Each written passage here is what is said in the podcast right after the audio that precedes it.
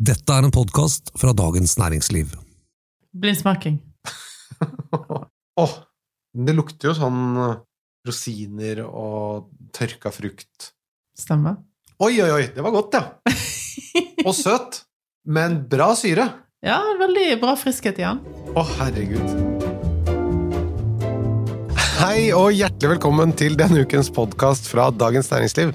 Mitt navn det er Thomas Giertsen, og velkommen til DNs egen vinekspert Merete Bø. Tusen hjertelig takk. Se der, du tok en liten tok en liten kunstpause der. Sendte en SMS, og så sa du hei. Sorry. I dag så går veien til et område og en type vin som vi ikke har snakket så mye om i denne podkasten. Men jeg tenkte vi må snakke om Italia og øya Sicilia. Mm. Så i dag så har jeg lyst til å fokusere på i hovedsak rødvinen, men også nevne noen bra hvitviner. Mm. Merete, når var det du fikk øynene opp for vin fra Cecilia?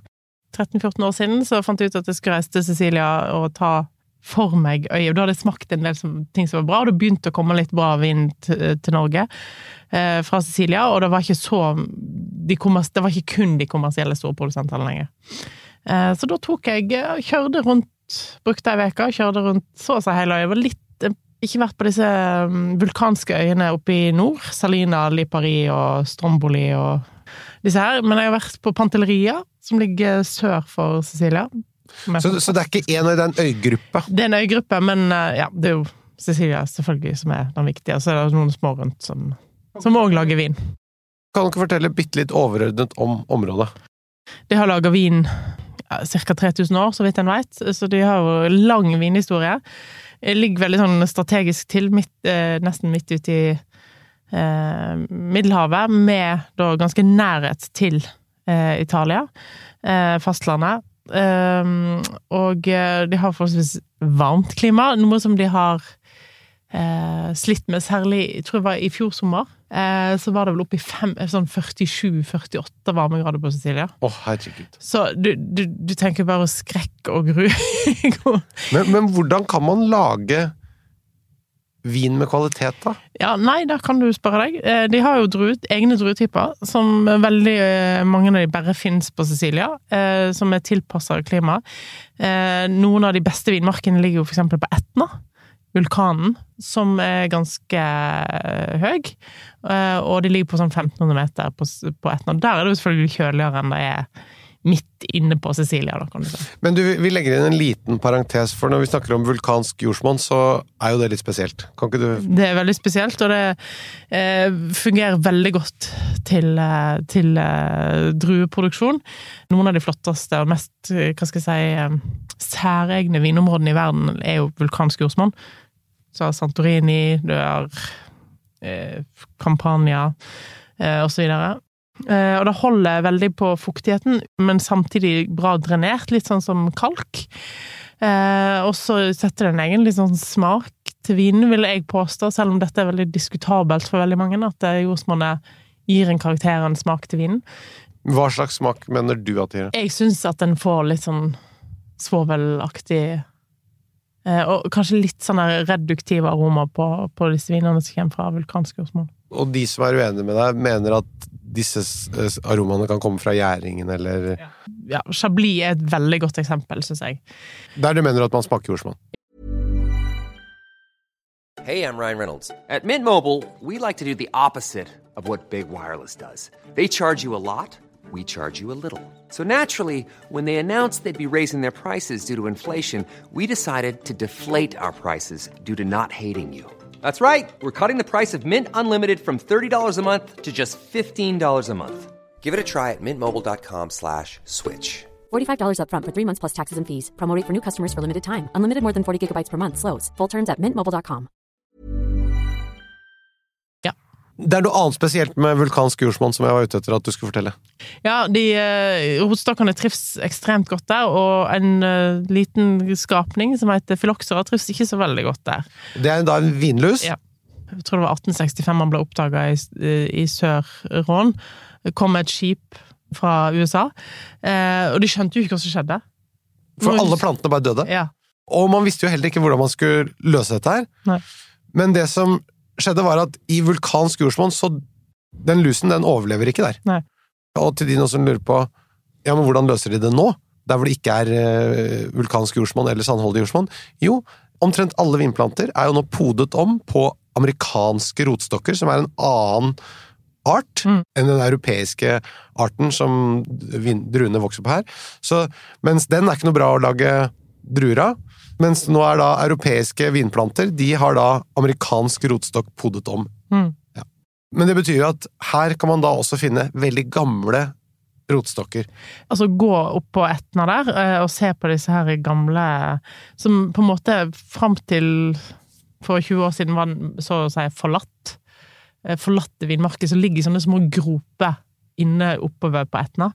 Eh, Det er helt eh, utrolig. Det samme er jo når du reiser til Santorini òg. Altså disse, de veit ikke hvor gamle disse vinstokkene er, for de har bare eksistert der Ja. i evigheter, liksom. Du sa at det er druesortene som, som tåler det varme klimaet, som gjør at det, det går an å lage bra vin i Mm. Men det var en periode der hvor de mye brukte mye franske druer. Var for veldig mye sånn Melot-viner fra Cecilia, var det ikke det? Som var ganske plumpe saker. Ja, Nå husker jeg ikke helt sånn, tallene er helt eksakt, men jeg tror på sånn 60-tallet sånn, så lagde de tre ganger så mye vin som det de gjør i dag. Og da var det mye ræl eh, som kom derifra. Og så kom det noen produsenter som eh, virkelig endra på alt dette her. Marco de Grazi, Meterinere, eh, Corneliussen, Benanti ja, Donna Fugata, Merallo-familien, eh, Planeta Altså, det var flere sånne som viste at det går faktisk eksempel vin på Sicilia uten at det er sånn superkommersielle greier. Men hva slags kvaliteter er det i de druene som gjør at de tåler så mye varme? Nei, altså det er vanskelig å si, men altså noen druer får jo alltid høy alkohol uansett, nesten. Eh, For eksempel hvis du hadde planta Barbera på Cecilia, så ville jo den fått 17% alkohol, sikkert. Som de vanligvis planter i Pimonta Ja, ja. Her har de da egne druer. De, de blå, eller røde druene, er jo Nero Diavola, som er den mest kjente. Eh, Det er en drue som er ganske sånn mørk på farge. Får jo høy alkohol, men ikke uforholdsmessig høy alkohol. Sånn 14-14,5 på sitt meste, liksom. Men kan det komme ned på 13 nå? Ja, ja, ja. Absolutt. Og så har du Nerello Mascalese og Nerello Capuccio, som eh, er to som er ganske moderate i alkoholen. Og kanskje, jeg vil si kanskje litt flottere enn eh, Neo Diavola. Og så har du Frappato, som igjen er ofte veldig lav i alkohol. Ofte sånn 12-12,5 på Sicilia. Oi, oi, oi. Og kan minne litt Det kan være litt sånn i familie med pinot noir, på en eller annen måte. Men, men dette er jo da druer som du aldri ville fått til å modne i kjøligere områder, Nei, neppe. Du ser aldri Nero Diavola i Høytliggende i Piemonte. Nei, nei, eller i Tyskland, Østerrike eller sånne ting. Nei. Men det, de lager veldig flotte viner, ofte litt sånn kjøttfulle, saftige viner. Men tanninstrukturen varierer veldig fra produsent til produsent, så det kommer litt an på produksjonsmetode mer enn egenskap til druene, tror jeg. Hvilke underområder ville du gått for eh, her, på Sicilia? Eh, Etna lager flotte viner som et underområde, men jeg vil jo si at det her er det mer produsentavhengig enn områdeavhengig. Å ja. Fordi at du har for eksempel eh, Caravaglio, som ligger på Lippari og Salina, som jeg syns lager utrolig flotte viner, men han er jo kanskje den eneste produsenten der som nesten eksportere noe ut i det hele tatt. Men dette var da egentlig ikke på selve Ja, nei, det litt på disse små øyene nord for Sicilia. Du kan ikke bare drive og kaste ut av deg sånne ord på Og så plutselig har du delt, splitta opp øyer, og det er masse andre øyer, og du Altså, du må henge med! Ja, det er derfor du er her, så du skal sette min eh, Altså, det er bare kaste ut ting i system. Ja, nettopp, nettopp. Åh, det er godt å føle at man har en, en funksjon. Nå kan du gå videre. Ja. Victoria. I sørøst, eh, på sø- Sørøst-Sicilia er jo da området som har vært lenge, lengst anerkjent, da. Eh, Som egentlig i Norge bare har to produsenter for øyeblikket som er tilgjengelig, men de har jo virkelig markert seg, da. Som er familie, begge to. Eh, Adriana Okupinti, som starta i 2004. Eh, Hun er på kartet hos meg. Ja, hun er flink. Eh, og hun, også onkelen hennes, som egentlig var sånn arkitekt, de har jo bineri rett ved siden av hverandre, eh, som driver Koss, eh, som er litt mer sånn naturvinsaktig, kanskje mer enn hun er. Men hun er jo det, hun òg. Hun er jo det, hun òg, men de er litt Det er ikke helt crazy bananas. Men er han arkitekten, han er mer crazy bananas? Det er det du sier? Ja, jeg vil si det. Der er det volatile syrer. Der kan det være litt volatilt innimellom, ja. Men det er veldig forskjellig fra kuvé til kuvé. De har noen som er helt fantastiske, som er florale og delikate og saftige, og så er det andre som er litt mer funky. Men tror du hun sier til arkitekten at hun synes det er for volatilt? Ja, hun er ganske frittalende, så jeg tror ikke hun legger to fingre imellom. Nei. Vi må nevne noen også hvite viner, for er det ikke noen veldig bra hvite viner derfra også? Vet du hva, de har jo eh, noen fantastiske, faktisk, eh, hvite druer som bare fins her. Og jeg vil kanskje trekke fram Grillo som den som er, for meg, den mest kvalitetsrike. Som egentlig er en drue som de brukte til den hetvin Marsala. Det er en fantastisk hetvin som nesten bare blir brukt i kake og desserter i dag. Ja, men, den er god til det. Ja, veldig god til det, men den er god til å drikke òg. Eh, og der er det flere grønne druer, som eh, blant annet Grillo. Eh, og kanskje de som lager den beste Grilloen, er Marco de Bartoli. Eller Sebastiano de Bartoli, da, som er dagens generasjon. Eh, han lager en fantastisk Grillo fra Altså kan konkurrere med en hvit burgund, liksom. Er det sant? Mm. Bra syre, mineralitet, litt eik. Forholdsvis lav i alkohol, sånn 13. Eh, jeg smakte den første gangen jeg var der nede, og da hadde han nett begynt å lage den. Og jeg husker jeg tenkte sånn åh, den må vi bare få til Norge, og eh, den er tilgjengelig. Er den det? Ja. Hvor mye koster den? Eh, rundt 300 kroner. Og den, er også, den står i hylla, liksom? Ja, ja, ja. Sånn i all hovedsak. Vi kjøper ikke mye av det. Nei, men faktisk, eh, Cecilia, vil jeg si, lager to av de beste. Og den Grilloen er den ene, og en annen er Den lages ikke lenger, dessverre. Men eh, Benanti-familien hadde en vinmark som heter Pietra Marina, som lå oppe på, på eh, Etna, som var da Jeg mener det var 100% karikante.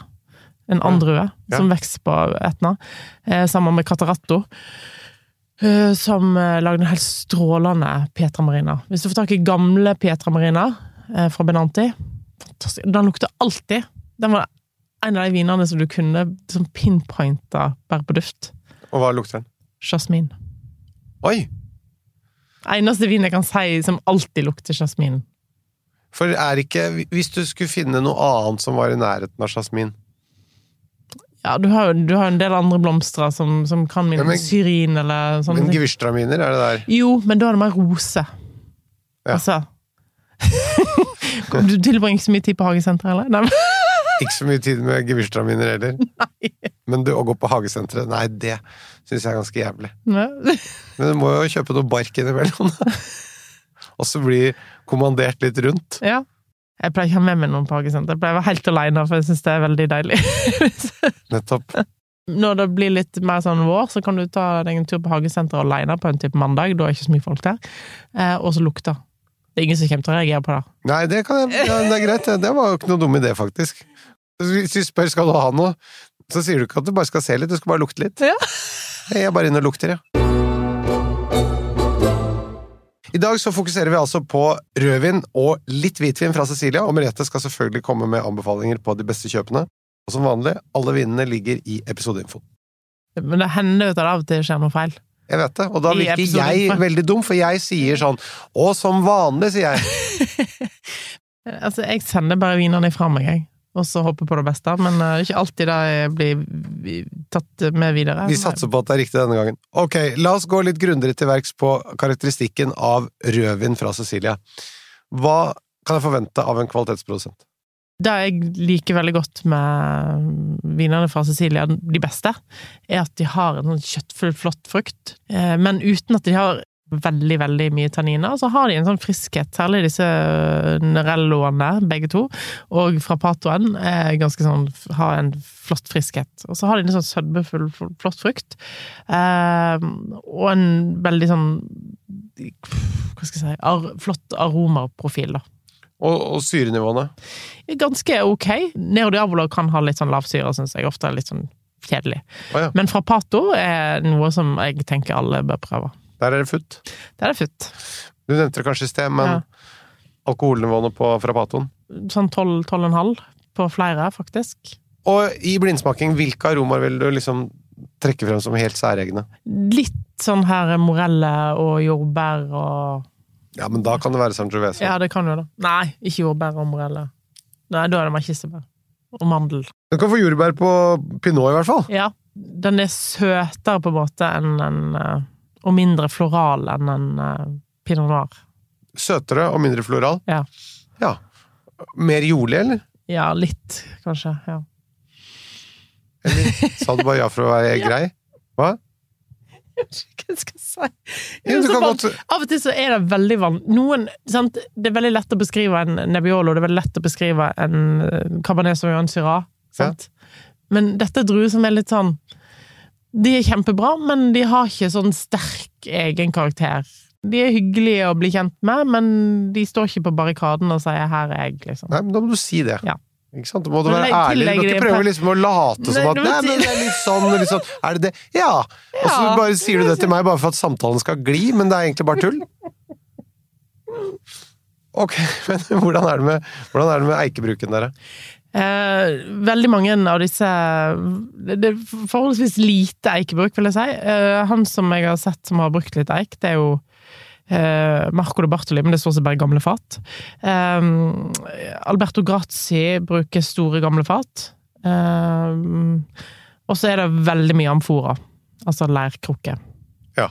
Jeg kan forestille meg hvordan det var på Sicilia under romertiden. Altså Når du kjører langs kysten, her, så kommer det sånn plutselig sånn romerske tempel du tenker sånn Wow, det var ingen som sa at dette lå her. Altså, men det ser ut som verdens største selvfølge at det der lå det et romersk tempel. Det, sånn var det.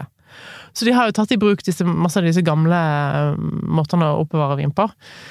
Eh, og disse amforene ligger liksom nedgravd i sand og Er de kalde nok, de kjellerne deres? da? eh, i, I norsk målestokk? Nei. Men eh, de har jo ikke Det er ikke kjølte kjellere. Det er jo Nei, og det er ikke langt nok ned i bakken til at det er Nei. noe kaldt. Nei. Så, sånn at eh, de har er ikke noe særlig stabil temperatur, da, sikkert. Ja, men de har ikke noe bibliotek. Altså gamle årganger som Nei. de har liggende. Nei, det, men det er sant, hvis vi går 30 år tilbake i tid, disse produsentene eksisterte jo ikke. Nei. Sant? Mange av de, ja. Så her er det hånd til munn. Marco de Bartoli har jo det er jo hetvinen, selvfølgelig, Marsala, som du kan da gå inn på polet og handle hvis du har litt, eh, fått litt, eh, vunnet litt i Lotto eller et eller annet. Hvor mye koster det? Nei, det er en som jeg mener var tilbake til 1800-tallet. Står ikke årgang på polet. Den koster 24 000. Oi! Eh, og så har de 1960. 7009. Eh, 1901 til 17 000. Og 1945 Ja. til eh, rett under 10 000. Det var en liten spesialopplisting for dere lottomillionærer. Og så går vi tilbake til den vanlige Ja, men det, er lytteren vår. Altså, jeg syns jo tenk, altså, jeg synes jo det er så fantastisk at det faktisk er mulig. Jeg er enig, men det skal litt til å kjøpe dessertvin fra Cecilia til 24 000. Den for 1901 skal jeg bare fortelle deg hvor, hvem, hvilke butikker som har den inne. Sier litt om eh, infrastrukturen i Oslo.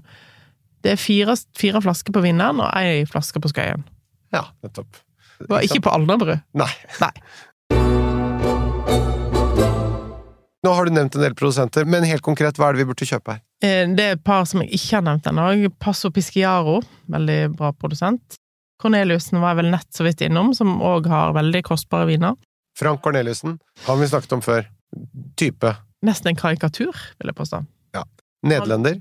Han er belgier, som flytta til Cecilia begynte å lage vin rundt år 2000, eh, og har blitt en sånn der eh, frontfigur for eh, naturvinbevegelsen, særlig på Cecilia, som han fikk mange med seg. Og har et bitte, bitte, bitte lite vineri. Det er helt utrolig at han kan lage vin i det hele tatt. Oppå Etna. Og har vært litt sånn frem og tilbake på vinene sine. Det er jo noen år så har det vært kjempehøye alkohol, søte, rike, opulente viner. Andre årganger har det vært slankere og flottere og mer delikate. Noen er reduktive, noen er volatile. Ja. Men så innimellom så lager han helt strålende vin. Eh, Men altså, vinen står ute og koker litt i bakgården, og altså, det er jo Det er som å komme til en liten eh, bonde på Vestlandet-følelse. Man har jo nådd til et mye bredere publikum enn bare folk som kjøper naturvin. Eh, Ja, absolutt. Han har vel blitt mer Nå sitter jeg og lager hermetegn med hendene, men mer kommersiell de siste årene, han òg. Han har jo skjønt at han faktisk må selge det, og da ikke få det i retur. Eh, Og det er jo ganske kostbare viner. Det det kan man si. Eh, Ja. Han har jo tatt vare på utrolig masse gamle, flotte vinmarker og restaurert de, så han har gjort veldig mye for Etna og Cecilia. Men du, når det, når det kommer til hvitvin, du sa at det var to stykker hvorav den ene ikke lenger produseres. Er det alt? Nei, det er masse annen eh, hvitvin òg. Absolutt. Eh, Men vi, vi, hvis du skal anbefale noe, og nå Nei. snakker vi om din? Husk på, folk har tillit til deg, så kommer folk til å kjøpe noen av de som hører på, kommer til å kjøpe det du sier, så nå må du bare tenke deg om.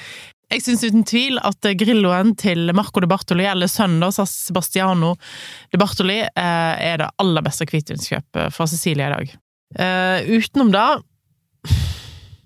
Planeta lager sånn decent eh, både rosévin ofte, og, og Planeta er liksom litt større produsent. Ja, en stor hit på taxfree-en, Ja. lager chardonnay, Ja. veldig varm i stilen, Ja. må vi kunne si. Ja, den Chardonnay syns jeg ikke er noe særlig. Men uh, de lager en decent rosé, og de har innimellom en decent hvitvin. Men for meg så er ikke, bortsett fra de to, kanskje ikke noe særlig hvitvin som jeg klarer å komme på i farten, som jeg vil anbefale sånn. Bare mens jeg husker det, vin på taxfree, det må vi snakke om. Det noterer jeg her, det er en egen episode. Ja. Vi skal snakke om taxfree før folk bruker opp pengene sine feil sted. ja. Hva slags mat vil du ha til uh, første rødvinene? Jeg tenker alltid sånn svinenakke, Uh, litt sånn langtidsstekt og kokt eh, eh, kjøtt. Uh, svinenakke, eh, and kan gå. Altså en heil and. Eh, eller andekonfi. Eller gås, eller litt sånn der Ja, du skjønner stilen på Men vi er i et landskap som er ikke helt ulikt hvor du kunne valgt en pinot noir, da. Ja. litt, litt sånn, ja. Ja, jeg skjønner. Til de hvite. Eh, der Altså til grilloen. Ikke Drillo, men Grillo. Eh, Ja, den er jo lett å huske, sant? Ja, det er, Altså, huskeregel er Drillo-is og Grillovin. Um, nei, der er litt samme bruksområde som en Eika chardonnay. Ost, hvitfisk, Ja. kraftige skalldyretter. Og glass. Store, vide, volumiøse Klokker. glass. Vi snakker um, burgundglass. Ja, altså det glasset jeg har blitt så glad i, som jeg bruker mer og mer. har... New World pinot nei, noir. ja, det òg, men uh, sensory-glasset til uh, Ja! Nettopp! Sensory-glasset til uh, Roberto Conterno. De har jo lansert det som et universalglass, men det ligner jo mye på et uh, mer sånn Det er ikke veldig ulikt Salto Burgunds uh, Altså burgundglass til Salto. Nei. Det er bare litt sånn flatere i bunn, Ja. og, og videre i bunn. Eh, Men et utrolig godt glass. Uh, Og et utrolig godt allround-glass. Det er ikke så høyt, Nei, så fulle folk velter ikke så lett. Nei. Litt mer praktisk oppvaskmaskiner, faktisk. Ja, men også hvis du har litt sånne uvørne, drikkfeldige gjester, Ja. som begynner å sveipe rundt på armene sine, så kommer de borti litt færre ganger enn de kommer borti et saltoglass. Ja, og det er um, mulig å få tak i i Norge nå, og det er veldig kult. Ja, og så er det en ting som er litt kjekt, eh, som viser litt eh, kvalitetsstigningen på Cecilia, er jo at eh, produsenter som er ganske velrenommerte fra Pimante, har begynt å lage vin på Cecilia. Oi! Så De har lyst til å Ja, de har lyst til å tjene mer penger, mest sannsynlig, men allikevel så har de jo lyst til å Går for et bra sted, da. Går for et bra sted. Så David Rosso, for eksempel, som står bak Giovanni Rosso, lager jo vin på Etna, som er ganske godt laga. Ikke så dyr, heller. Etna Rosso. Eh, og så er det òg en eh, velkjent produsent som har hatt besøk av her i podden, faktisk. Gaia Gaia. Eller Gaia. Fra Piemonte. Lager vin på Som er jo verdensstjerne i i Ja. Og en, og en eh, eh, liten, liten produsent, som jeg har glemt å nevne, de har faktisk en hvitvin som er bra. Eh, Monte Rosso. Ligger på Etna. Altså produsenten etter Monter også. Ja. Eh, ligger på Etna og er, har veldig flotte viner. Ikke så dyre. Alle farger, altså rosé, rød og hvit. Hvit på Grillo. Eh, Nei, der er det Caricante og Catarato, tror jeg. Og Catarato. Catarato. Catarato og Caricante. Fordi at det- druenavnet i Italia, det kan du drite i å pugge. Det er 2000 pugger, da, så du har litt jobb. Ja. Eh, det fins jo noen andre, jeg bør kanskje nevne de. Ansonica. Eh, som en har begynt å se litt mer av i Norge, på norske markedet. Og så er det en drue som heter Sibibbo. Altså eh, Det er jo ikke noe vits i å kunne dette her, for det er jo de du snakker med, ingen det, ingen, det ringer ingen bjeller hos mottakeren uansett.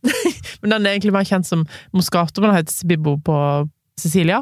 Og eh, ja, kanskje Malvasia. Men Sibibbo lager da stort sett søt vin. Ok. Mm. Du, eh, helt til slutt, under 200 kroner. Ja, da tenkte jeg skulle være mulig.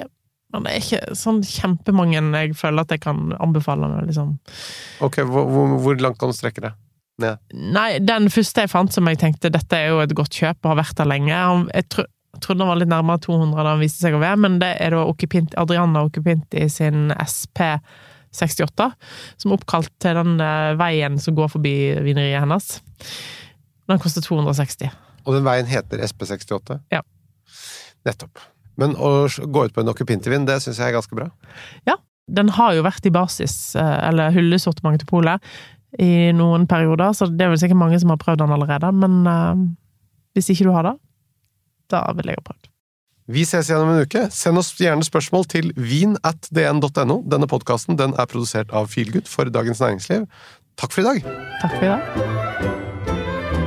Så det nærmeste jeg kan komme, er noe sånn uh, Marsala eller Madeira eller noe sånt noe? Du, dette her er en 1938-årgang fra en vingård som ligger på Krim, som heter Massandra.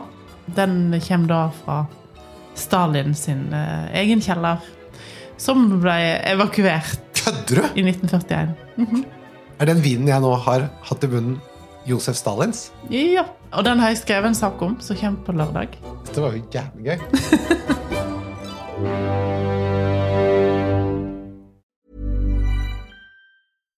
Deserves the best, and there's no better place to shop for Mother's Day than Whole Foods Market. They're your destination for unbeatable savings, from premium gifts to show-stopping flowers and irresistible desserts. Start by saving 33% with Prime on all body care and candles. Then get a 15-stem bunch of tulips for just $9.99 each with Prime. Round out Mom's menu with festive rosé, irresistible berry chantilly cake, and more special treats. Come celebrate Mother's Day at Whole Foods Market. A lot can happen in the next three years. Like a chatbot may be your new best friend.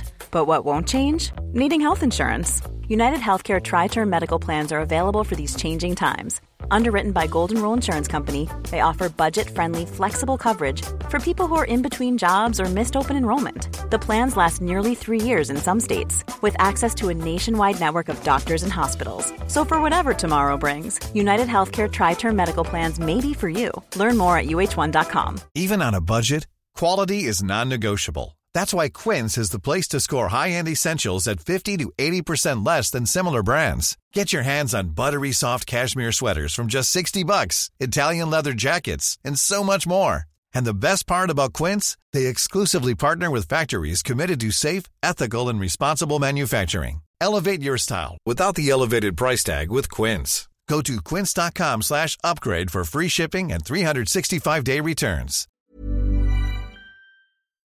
Du har nå hørt en podkast fra Dagens Næringsliv.